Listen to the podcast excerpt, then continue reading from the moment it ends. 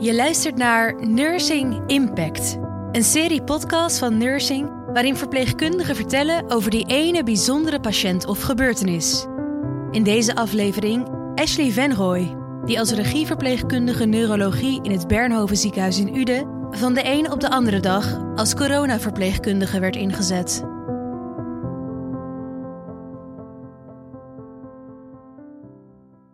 Ehm, ik ben eigenlijk wel heel erg benieuwd, hoe gaat het nu met je na de afgelopen maanden? Ehm, hoe het met me gaat? Eh, goed, eigenlijk wel. Ehm, wat ik heel erg merk is dat ik soms ehm, helemaal niet meer stilsta bij het feit dat we corona hebben gehad in dit ziekenhuis en wat we eigenlijk allemaal gedaan hebben met z'n allen. Of ik. En de ene keer denk ik er wel heel veel aan en de andere keer niet. Bijvoorbeeld als ik dan, eh, net zoals nu, als we het over hebben, denk ik er weer aan terug. Uh, als patiënten erover beginnen, denk ik er vaak aan terug. Maar soms vind ik het ook heel fijn om er niet aan te denken. In de hoop dat we het gewone leven weer een beetje kunnen oppakken. Want dat mis ik wel heel erg nog. Ja, want als je praat over dat gewone leven, als ik je mee terugneem naar begin 2020. Uh, eh, corona was er al wel in China, er was een lockdown, maar in Nederland was er eigenlijk nog geen reden tot zorg. Op welk punt dacht jij, oké, misschien moet ik me als verpleegkundige nu wel gaan omschakelen of moet ik me wel zorgen gaan maken? Ik, ik ben daarin wel een heel nuchter persoon. Uh, ik maak me nooit zo snel ergens zorgen om. En je ziet natuurlijk wel op televisie dat het in China bevindt en dat er hè, in andere landen wordt verspreid. En dat je denkt, wat is dat voor een virus en komt dat hier ook? Maar ik heb vooral in het begin gedacht dat het hier nooit zou komen. En als het kwam, dacht ik van dat kunnen we met, met gemak aan. Want we zijn natuurlijk een heel welvarend land. Maar toen het hier dan toch dichterbij kwam en vooral het, het, ziekenhuis raakte, maakte ik me wel heel veel zorgen. En ik vond dat heel eng in het begin. En in het begin was ik ook heel uh, boos op het feit dat ik hier als verpleegkundige moest gaan werken. Het, er werd mij verplicht met deze patiënten te gaan werken. En ik had zoiets van, ja, dat zal allemaal wel, maar het is wel mijn eigen gezondheid. Um, dus dat vond ik heel lastig en dat, dat, dat, dat vond ik heel eng. Maar op, op, op de een of andere manier, na een dag of twee, als je ziet dat dat hele ziekenhuis een crisisorganisatie gaat en iedereen er alles aan doet om het aan te kunnen, ga je op een soort, ja, je zet een knop om en je, je zit in een overlevingsmodus. En dat heb ik echt non-stop gehad. En dat, dat heb ik nog nooit bij mezelf ervaren. Jullie hadden hier in het Bernhoven op een gegeven moment relatief gezien de meeste coronapatiënten liggen. En er werd ook gezegd, we kunnen het niet meer aan. We hebben hulp nodig van andere ziekenhuizen. De druk is te hoog. Ben je daar bewust van geweest of deden die overlevingsmodus eigenlijk zoveel dat je dat niet eens zo kon ervaren? Ik, ik weet nog heel goed dat ik, ik werkte met een team van twintig man, waarvan ik misschien één iemand kende. Dus het zijn niet eens je eigen collega's. En als je dan uit het raam keek, uh, dan zag je tien ambulances. Uh, je patiënten, die kende je misschien een uur. En dan werden ze alweer overgeplaatst naar Groningen, Rotterdam, Hilversum, Friesland. Ze gingen overal naartoe. En dat ik op een gegeven moment ook twijfelde aan mijn eigen kunnen, omdat ik dacht: oké, de werkdruk is nu zo hoog en zo complex. Ik was wel bang om, om fouten te gaan maken. Terwijl ik dat eigenlijk anders nooit heb. Eh, omdat ik wel echt mezelf vertrouw en weet wat ik kan. En dat klinisch redeneren, wat je ook steeds doet. Maar hier had je niet veel te klinisch redeneren. Het was gewoon doen. Waar je eerst bang was voor het virus, kwamen er eigenlijk nieuwe angsten uh, voor in de plaats. Ja, ja.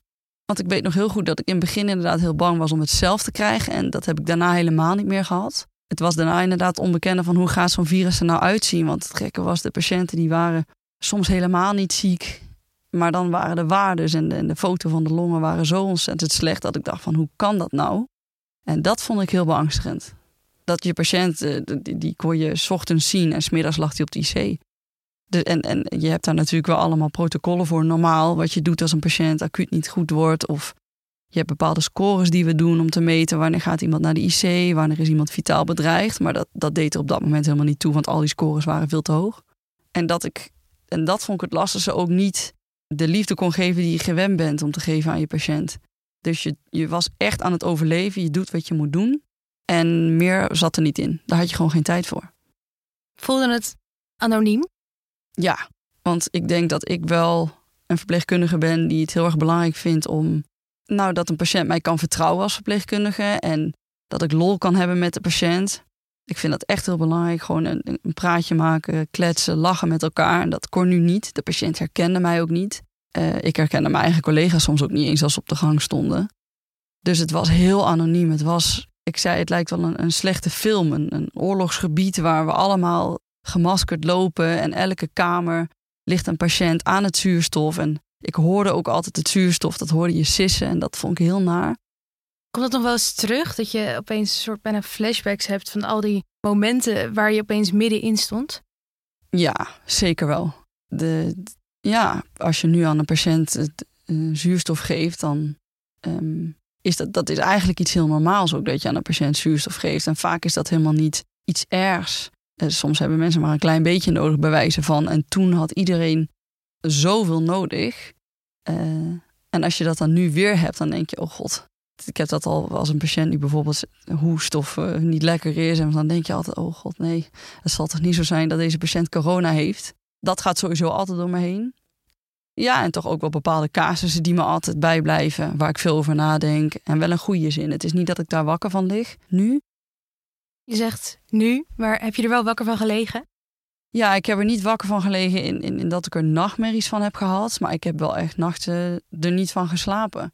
Maar ook omdat je zo vol zit met adrenaline. Je werkt meer dan je normaal werkt. Je draait langere diensten. En dan kom je ook nog eens alleen thuis. En dan, um, je mag nergens naartoe. Een feestje of wat, dat is mijn uitlaatklep. Ik vind het heerlijk om met vrienden wat leuks te gaan doen. En dat kon toen niet. Ja, dan zit je thuis. Ja, dat is wel heel, uh, dat, is, dat is bizar. In het ziekenhuis ben je natuurlijk met uh, andere verpleegkundigen waarmee je het kan delen. Maar voelt het buiten het ziekenhuis ook wel eens eenzaam? Dat je denkt, ja, het echte kan ik niet delen omdat dat je het eigenlijk meegemaakt moet hebben. Ja, ik, de, ik, denk, ik denk wel dat je een. Uh, ik voelde me hier op het werk ook gewoon heel erg fijn. Maar ik voelde me hier op het werk ook eenzaam, omdat ik mijn eigen collega's niet om me heen had.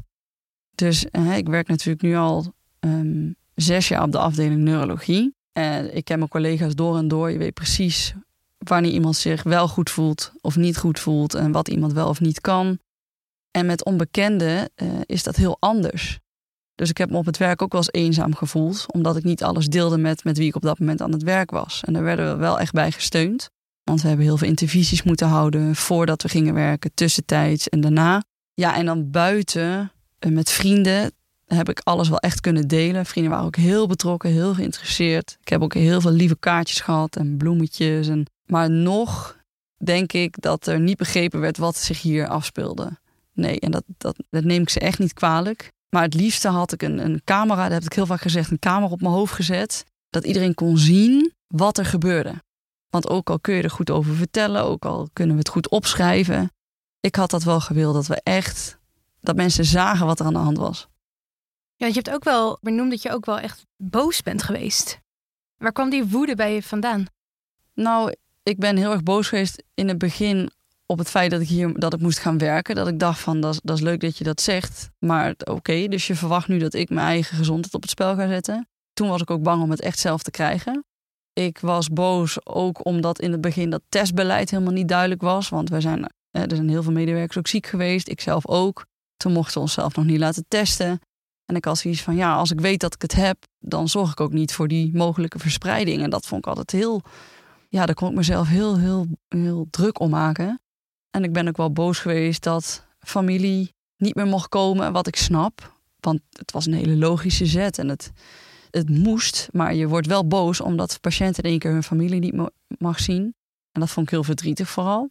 En ik ben ook heel vaak boos geweest op, op, op ja, ik kan het eigenlijk niet benoemen. Gewoon dat je in één keer in die andere wereld zit en in die overlevingsmodus. En dat je dan niet je ding kan doen dat je normaal zo fijn vindt om te doen. Ja, en boos dat er dan weer dat er zoveel mensen overlijden. Boos dat er weer zoveel mensen overgeplaatst moeten worden. Bijvoorbeeld, ik weet nog één man heel goed. Die man die was geloof ik in de tachtig en die had een vrouw met Alzheimer thuis zitten. En hij zelf werd opgenomen met corona. En die werd dus na een kwartier al overgeplaatst naar Friesland. En dan denk ik echt, jongens, kom op. Ik had ook op een gegeven moment dat ik echt dacht van, mag ik niet gewoon keuzes maken? En dat is natuurlijk heel raar, want een jonge man van in de 40 die overblaast naar Friesland is even erg die zijn gezin achterlaat. Maar ik vond het vooral voor de ouderen vond ik het ook wel heel, ja, ik vond dat wel heel moeilijk. om die mensen te laten gaan, dacht ik, nou, die, die man hoort nu bij mij, laat mij nou voor hem zorgen en dan moet hij weer weg. Daar ben ik ook wel vaak boos om geweest. Dus ook tijdens je diensten zelf gebeurden er ook dingen die gewoon echt niet zo goed voelden. Ja, en het, het waren dingen die moesten, waar ik ook wel achter stond dat dat zo gebeurde. Maar je wilde gewoon heel vaak dat dat op een nou, andere manier ging. Of dat je dacht van. Want wij hadden daar niks over te zeggen. Hè. Er was natuurlijk een coördinatiepunt. Die regelde welke patiënten er waar naartoe gingen. En dan dacht ik, Friesland, waar moet die patiënt nou eh, naar Friesland? En uiteindelijk snap ik dat natuurlijk. Want in het begin heb je ook helemaal geen idee eigenlijk van wat er gebeurt. Ik ben als verpleegkundige aan het werk, maar alles daaromheen krijg je niet mee. Ja, en als je dan ziet dat we eerst hè, niet goed geholpen werden door andere ziekenhuizen, daarna wel, was dat natuurlijk juist iets heel moois wat er gebeurde. Want daardoor konden we zoveel patiënten opvangen. Maar het voelde gewoon heel krom. Ook als, als iemand ging overlijden of als iemand heel, heel ziek werd en naar de IC moest, had familie nou in het begin geen mogelijkheid tot het nemen van afscheid. Daarna werd het, u mag komen, maar uw man gaat wel meteen naar de IC. Dus dan was het soms vijf minuten. En normaal heb je natuurlijk, wil je als verpleegkundige een band opbouwen met familie en je wil er voor diegene zijn en je wilt met elkaar kunnen praten erover. En bijvoorbeeld palliatieve zorg, wat we normaal ook heel vaak doen, is natuurlijk een hele mooie zorg waar je heel veel tijd aan wil besteden. En dat kon nu niet.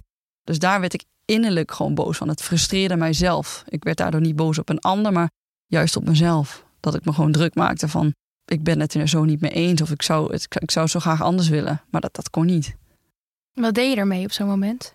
Ja, spuien, erover hebben met je collega's. Ook heel vaak naar mijn teamleider toe die ook heel betrokken is geweest. En die, die kon ik bewijzen van thuis bellen en appen. Maar heel veel met elkaar mailen van jongens, kunnen we hier iets op verzinnen? Of hoe kunnen we dit nou aanpakken? Dat deden we wel, want ik was niet de enige die zich daarover frustreerde.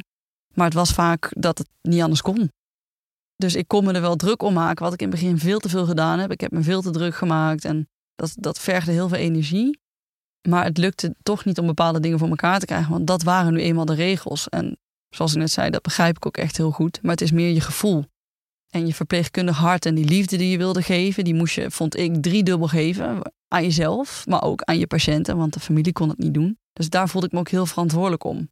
Dat ik, het, dat ik soms ook niet uh, tevreden was over hoe ik die dag had gewerkt. Want ik kon niet genoeg aandacht geven aan mijn patiënten. En, en dan hoopte ik die man de volgende dag weer te zien, maar dan was hij overleden. Ja, dat is, dat is heel naar. Dat is heel kwetsbaar ook. Ja, ja. En dat is iets waar je helemaal nooit op getraind bent. Wat je niet in een boek kan lezen hoe je dat moet doen. En natuurlijk, een overlijden is nooit fijn. Maar ik heb bij heel veel overlijdens vaak ook bepaalde vrede. Dat klinkt heel gek, maar als, als, als iemand heel erg ziek is en al heel erg op leeftijd, en dan is het soms goed dat iemand op een goede manier overlijdt. Dat vindt familie dan vaak ook zo. Maar dit was natuurlijk bizar. Vooral als er een echtpaar naast elkaar overlijdt. Of dat je hoort dat er een zoon overlijdt terwijl vader naar een IC wordt gebracht. Dat je hoort dat drie broers in verschillende ziekenhuizen in Nederland liggen opgenomen. Nou, dan denk je echt, wat gebeurt hier? Ja, ik dacht dus ook echt, wat, we gaan eraan. Hoe was het voor jou om de familie op afstand te moeten houden? Ja, dat is, dat is heel gek. Want juist als een patiënt zo kwetsbaar en zo ziek is, en eigenlijk soms echt balanceerde op het randje van de dood, dan wil je dat daar iemand bij is die van diegene houdt. Want ja, wie ben ik om diegene dan liefde te geven en, en, en aandacht? Dus in het begin vond ik dat heel moeilijk. En dat maakte ook dat ik mezelf zo verantwoordelijk voelde. Omdat ik dacht, oké, als hun het niet kunnen, dan doe ik het.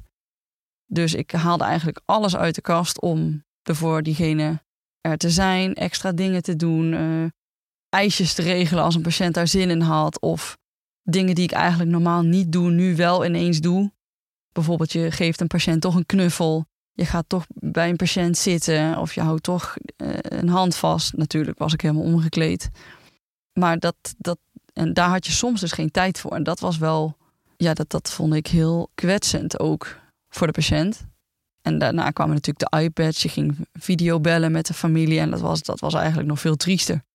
Het is natuurlijk heel mooi dat ze met elkaar kunnen bellen. Maar dan zien die mensen hun geliefde in het bed zo ziek. Mensen namen via de telefoon afscheid. En meneer van, dat weet ik nog heel goed, die zei van... dit is de laatste keer dat ik je spreek. Geven, geven ze een handkus aan elkaar, zeggen ze dat ze van elkaar houden. Nou ja, dat is niet normaal. Ja, dat vond ik echt... Uh, ik moet zeggen dat ik Dat, ik kan nooit zo goed huilen bij een patiënt op een kamer. Niet per se omdat ik vind dat het onprofessioneel is, want ik vind dat het juist zeker kan. Maar dan, dat is echt die, die, die, die vechtmodus wat ik zeg. Maar ik heb wel echt een paar keer een soort van bons deuk in je hart gehad. Dat je denkt van nou, dit, dit, dit is echt niet wat je wil. Nee.